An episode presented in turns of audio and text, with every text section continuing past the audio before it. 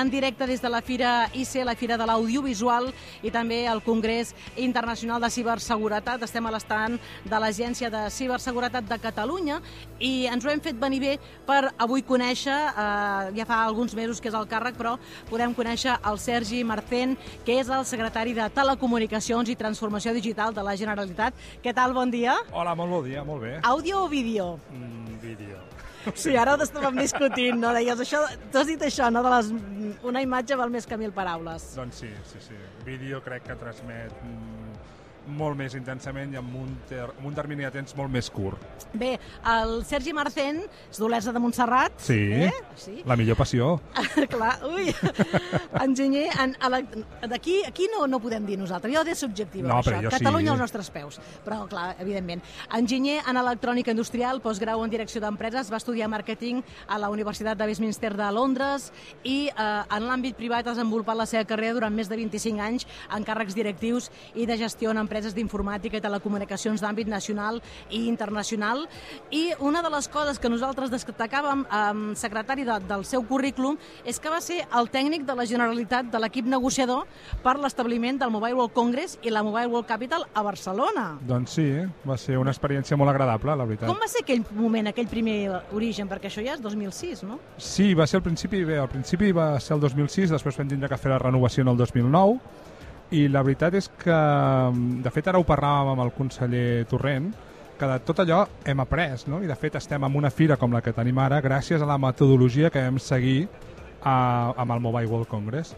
I per tant mm, va ser molt intens, vam treballar molt dur, eh, les negociacions van ser molt dures perquè me'n recordo en aquell moment competíem contra Milà, contra París, eh, contra qui més, crec que era Berlín, i després eh, Barcelona tenia la capacitat que tenia i, i hi havia molts diners per part de les altres ciutats que posaven a sobre de la taula i eh, el desplegament que nosaltres fèiem com a ciutat i el desplegament que volíem fer com a país, no? allò que portava la Mobile a més d'aquests quatre dies de fira era molt important no? i hem vist com gràcies a allò doncs, tenim un teixit empresarial doncs, ja prou important en el nostre territori i, i som referents en l'àmbit tecnològic a nivell europeu.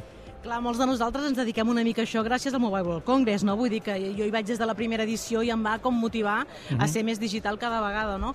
Um, però clar, jo avui, no sé, em tirava una mica amb la piscina amb aquesta interpretació, però sí que entrant aquí m'ha donat la sensació que és un altre Mobile World Congress, no? És a dir, que no sé si, no sé si entraran en competència, però sí que és veritat que, que ja tenim congressos molt grans, no? No només un, que era una mica el rei abans de l'alimentària i tal, però a nivell digital, o sigui, no sé si això pot pot voler dir moltes coses, no?, de cara al futur. Saps què passa? Que quan parlem de l'àmbit digital, parlem de que és molt sectorial, per tant, té, moltes, té molts prismes. Aleshores, l'ideal seria que Barcelona es convertís, o Catalunya es convertís en el territori on poguéssim expressar tots aquests prismes des d'un espai com Fira i que tot això acabés impactant a, a el territori i a l'administració, no? Per tant, cada un d'ells és una mica diferent, però sí que és cert que tots tenen el mateix aroma a, a digital, que al final doncs, mm, és el que nosaltres volem, no? que, que es relacioni innovació, tecnologia, àmbit digital, eh, modernitat amb, amb el nostre país. Des del novembre del 2022 és nomenat secretari de Telecomunicacions i Transformació Digital de la Generalitat. Quin balanç en fa d'aquests tres mesos? Uf! Està aterrant encara? Uh, intens, molt intens. La veritat és que uh, ens hem trobat amb que s'han de fer molts projectes, tenim els fons europeus que s'han d'executar abans de 31 de desembre d'aquest any i per tant doncs, tenim que fer 3.000 quilòmetres de fibra òptica en el territori. Um, estava una miqueta deixada, si m'ho permets dir d'aquesta manera, el que és la, la gestió digital del govern digital de l'administració. Aleshores, hi ha molta feina a fer amb el que és transformació, des de l'àmbit de la ciberseguretat fins a l'àmbit d'atenció ciutadana, no? Uh -huh. Aleshores, aquí doncs, tenim molt d'espai a recórrer, en aquests moments tenim molts fons europeus que s'han d'executar, de, i això representa doncs, eh, tindrà que posar molts d'esforços i tindrà que posar molta potència per poder tirar endavant els projectes. Dues coses que m'han cridat l'atenció, la, la, no? per exemple, a la biografia de Twitter diu que la tecnologia ens faci lliures i no dependents d'ella. És una cosa que nosaltres aquí al Pop-Up estem picant molta pedra per això, no? per a, a, empoderar la, el ciutadà, però per, per empoderar el ciutadà ha de tenir tota la informació i hi ha un projecte molt interessant que ens ha agradat molt del departament, que és el projecte de llenguatge planer. Sí, sí, sí. Un dels problemes que tenim a, a, als ciutadans és que quan l'administració es dirigeix a nosaltres no entenem res de lo que ens diu. Vull dir, rebem un foli que diu eh, segons l'article de no sé què i el decret de no sé quant, i quan acabes dius, bueno, ben, ben bé què és el que, què és el que tinc que fer, no? I en aquest cas, eh, nosaltres des de la Generalitat de Catalunya, des de la Direcció General de Serveis i Atenció Ciutadana, el que estem fent és, primer de tot, preguntar-li a les persones què és allò que no entenen i a partir d'aquí fer un llenguatge planer, no només de l'àmbit digital, eh, sinó també aquella carta que tu acabis rebent doncs, que sigui molt entendible. I, i especialment des de, des de, des de l'àmbit digital entendre des de l'administració que segons quins projectes o segons quins processos no tan sols han de ser digitals. Vull dir, jo sóc el primer en defensar a l'àmbit digital, però eh, si tu treus un ajut dirigides a persones de més de 80 anys i, i doncs no el treguis només digitalment. El més normal és que aquestes persones no utilitzin els canals digitals. Uh, I segurament les persones joves sí que seran les primeres que utilitzaran aquests canals digitals. Per tant, hem d'entendre qui és el nostre uh, usuari de, de relació dintre de l'administració i això és el que estem fent. Estem humanitzant, de fet és humanisme digital, no? que se'n diem, mm -hmm. estem humanitzant la, la digitalització. Això en, en l'àmbit, diríem, de nostre de, amb els ciutadans, però estem ara en aquests moments en una fira internacional on ve gent de tot el món. Sí que és veritat que, si hem de ser sincers, eh, costava moltíssim en aquestes fires internacionals que tingués visibilitat Catalunya, no? perquè el, el no ser un estat propi sempre costa una miqueta. Jo crec que això ha fet com una mica... Eh, ha canviat els últims, els, els últims temps i, i jo crec que, per exemple, ara hi ha estants com més grans, eh, fins i tot els organitzadors, els de, en el cas del Mobile Congress, GSMA, IC, estan fent un esforç de vegades per dirigir-nos als catalans a, a Catalunya.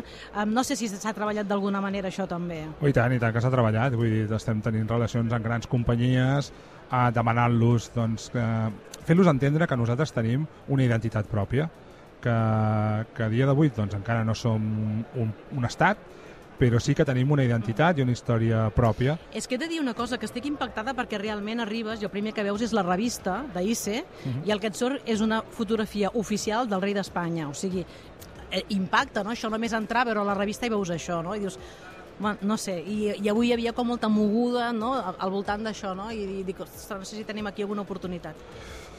Mira, mm, per sort o per desgràcia estem on estem, no? Qui mana, qui mana a dia d'avui.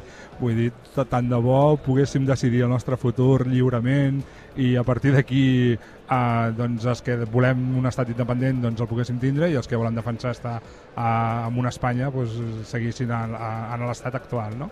Però malauradament, eh, tot i les il·lusions o les ganes que puguem tindre, eh, estem on estem i per tant mm, hi ha unes normes de joc que ara que et surts ja saps el que passa. Vull dir, hem tingut gent a la presó i hem tingut gent, tenim gent a l'exili i aleshores doncs has de jugar amb les normes que està jugant. Però dintre d'aquestes normes intentes jugar sempre per les bandes, no? intentes eh, que se't, se't visualitzi. I en aquest cas nosaltres com a administració crec que estem fent una feina molt potent d'explicar què és el que som, d'explicar de quina manera som i crec que la mateixa administració, tot i que ser, ser l'administració de l'Estat, la gestionem diferent que la resta. I això es veu, això es veu quan et relaciones amb les grans companyies, quan veus que ells es relacionen amb altres a, a parts d'Espanya o es relacionen amb altres administracions, i diuen, és que vosaltres sou diferent, actueu diferent, teniu una altra manera de fer, i, i és cert, per tant, nosaltres sempre posem la identitat que tenim per davant, uh -huh i a partir d'aquí mm, treballem molt, molt, molt, molt, molt, molt. I aquesta és la gran diferència que tenim possiblement, és que treballem molt. I això ens permet doncs, eh, ser líder en, en, en molts àmbits per exemple, la gran assignatura pendent, no, pendent no, la gran assignatura d'aquest 2023 és la ciberseguretat, això ho, ho, ho sap tothom i sobretot ho sap el director de l'Agència de Ciberseguretat de Catalunya, en Tomàs Roy, ja un conegut de, del Pop-Up. Hola Tomàs, com estàs? Hola Mariola, molt bé, molt Gràcies content. perquè m'has portat pernil i tot, eh? Escolta, que no defalleixi Ens, aquí l'ànim. ens tracteu molt bé, gràcies. Escolta, Tomàs, um, tu, així una... Clar, l'any passat ja teníeu aquest congrés, no? En quina ambició organitzeu aquest congrés? És la seva tercera edició i l'objectiu és el fet de eh, Catalunya eh, aposta per la digitalització i a l'entorn segur i per tant les principals objectius que hi han són el talent, atreure el talent, el coneixement, que hi hagi entorns de col·laboració, de cooperació, de compartició entre les empreses i, eh, i, el, i, el, i diríem els professionals en un entorn internacional. O sigui, ens interessa el fet doncs, de si Barcelona i, i Catalunya pues, són referents en moltes coses, també ho siguin en ciberseguretat. Tenim èxits, no? com el Mobile World Congress o l'ICE, doncs creiem que en ciberseguretat també és un entorn que podem aportar-hi aquest fet diferencial. Al llarg d'aquests dies presentareu tres informes i, a més a més, amb caire realista, no? Eh, no, no per fer volar coloms, per exemple, avui a les 4, a l'informe de Dona Ciber a l'estand, que, que és una cosa que heu focalitzat molt, Tomàs, n'he parlat altres vegades amb tu, no? de dir, falten dones que, que vulguin especialitzar-se en ciberseguretat. Sí, i no només, que s'especialitzin i que tinguin responsabilitats. És a dir, l'entorn de la ciberseguretat, que és absolutament un entorn eh, multifacètic, no? on hi ha Clar. moltes possibilitats de, de capacitats, és evident que el talent femení ens enriqueix moltíssim.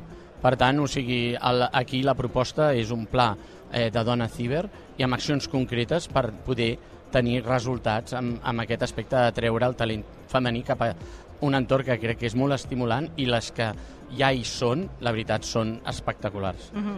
Clar, que hauria d'haver ser que, que pugui haver-n'hi de tots els nivells, no? perquè és veritat que a vegades les dones que arriben són supertalentoses perquè sembla com que, que ens haguem d'esforçar una mica més fins i tot, no?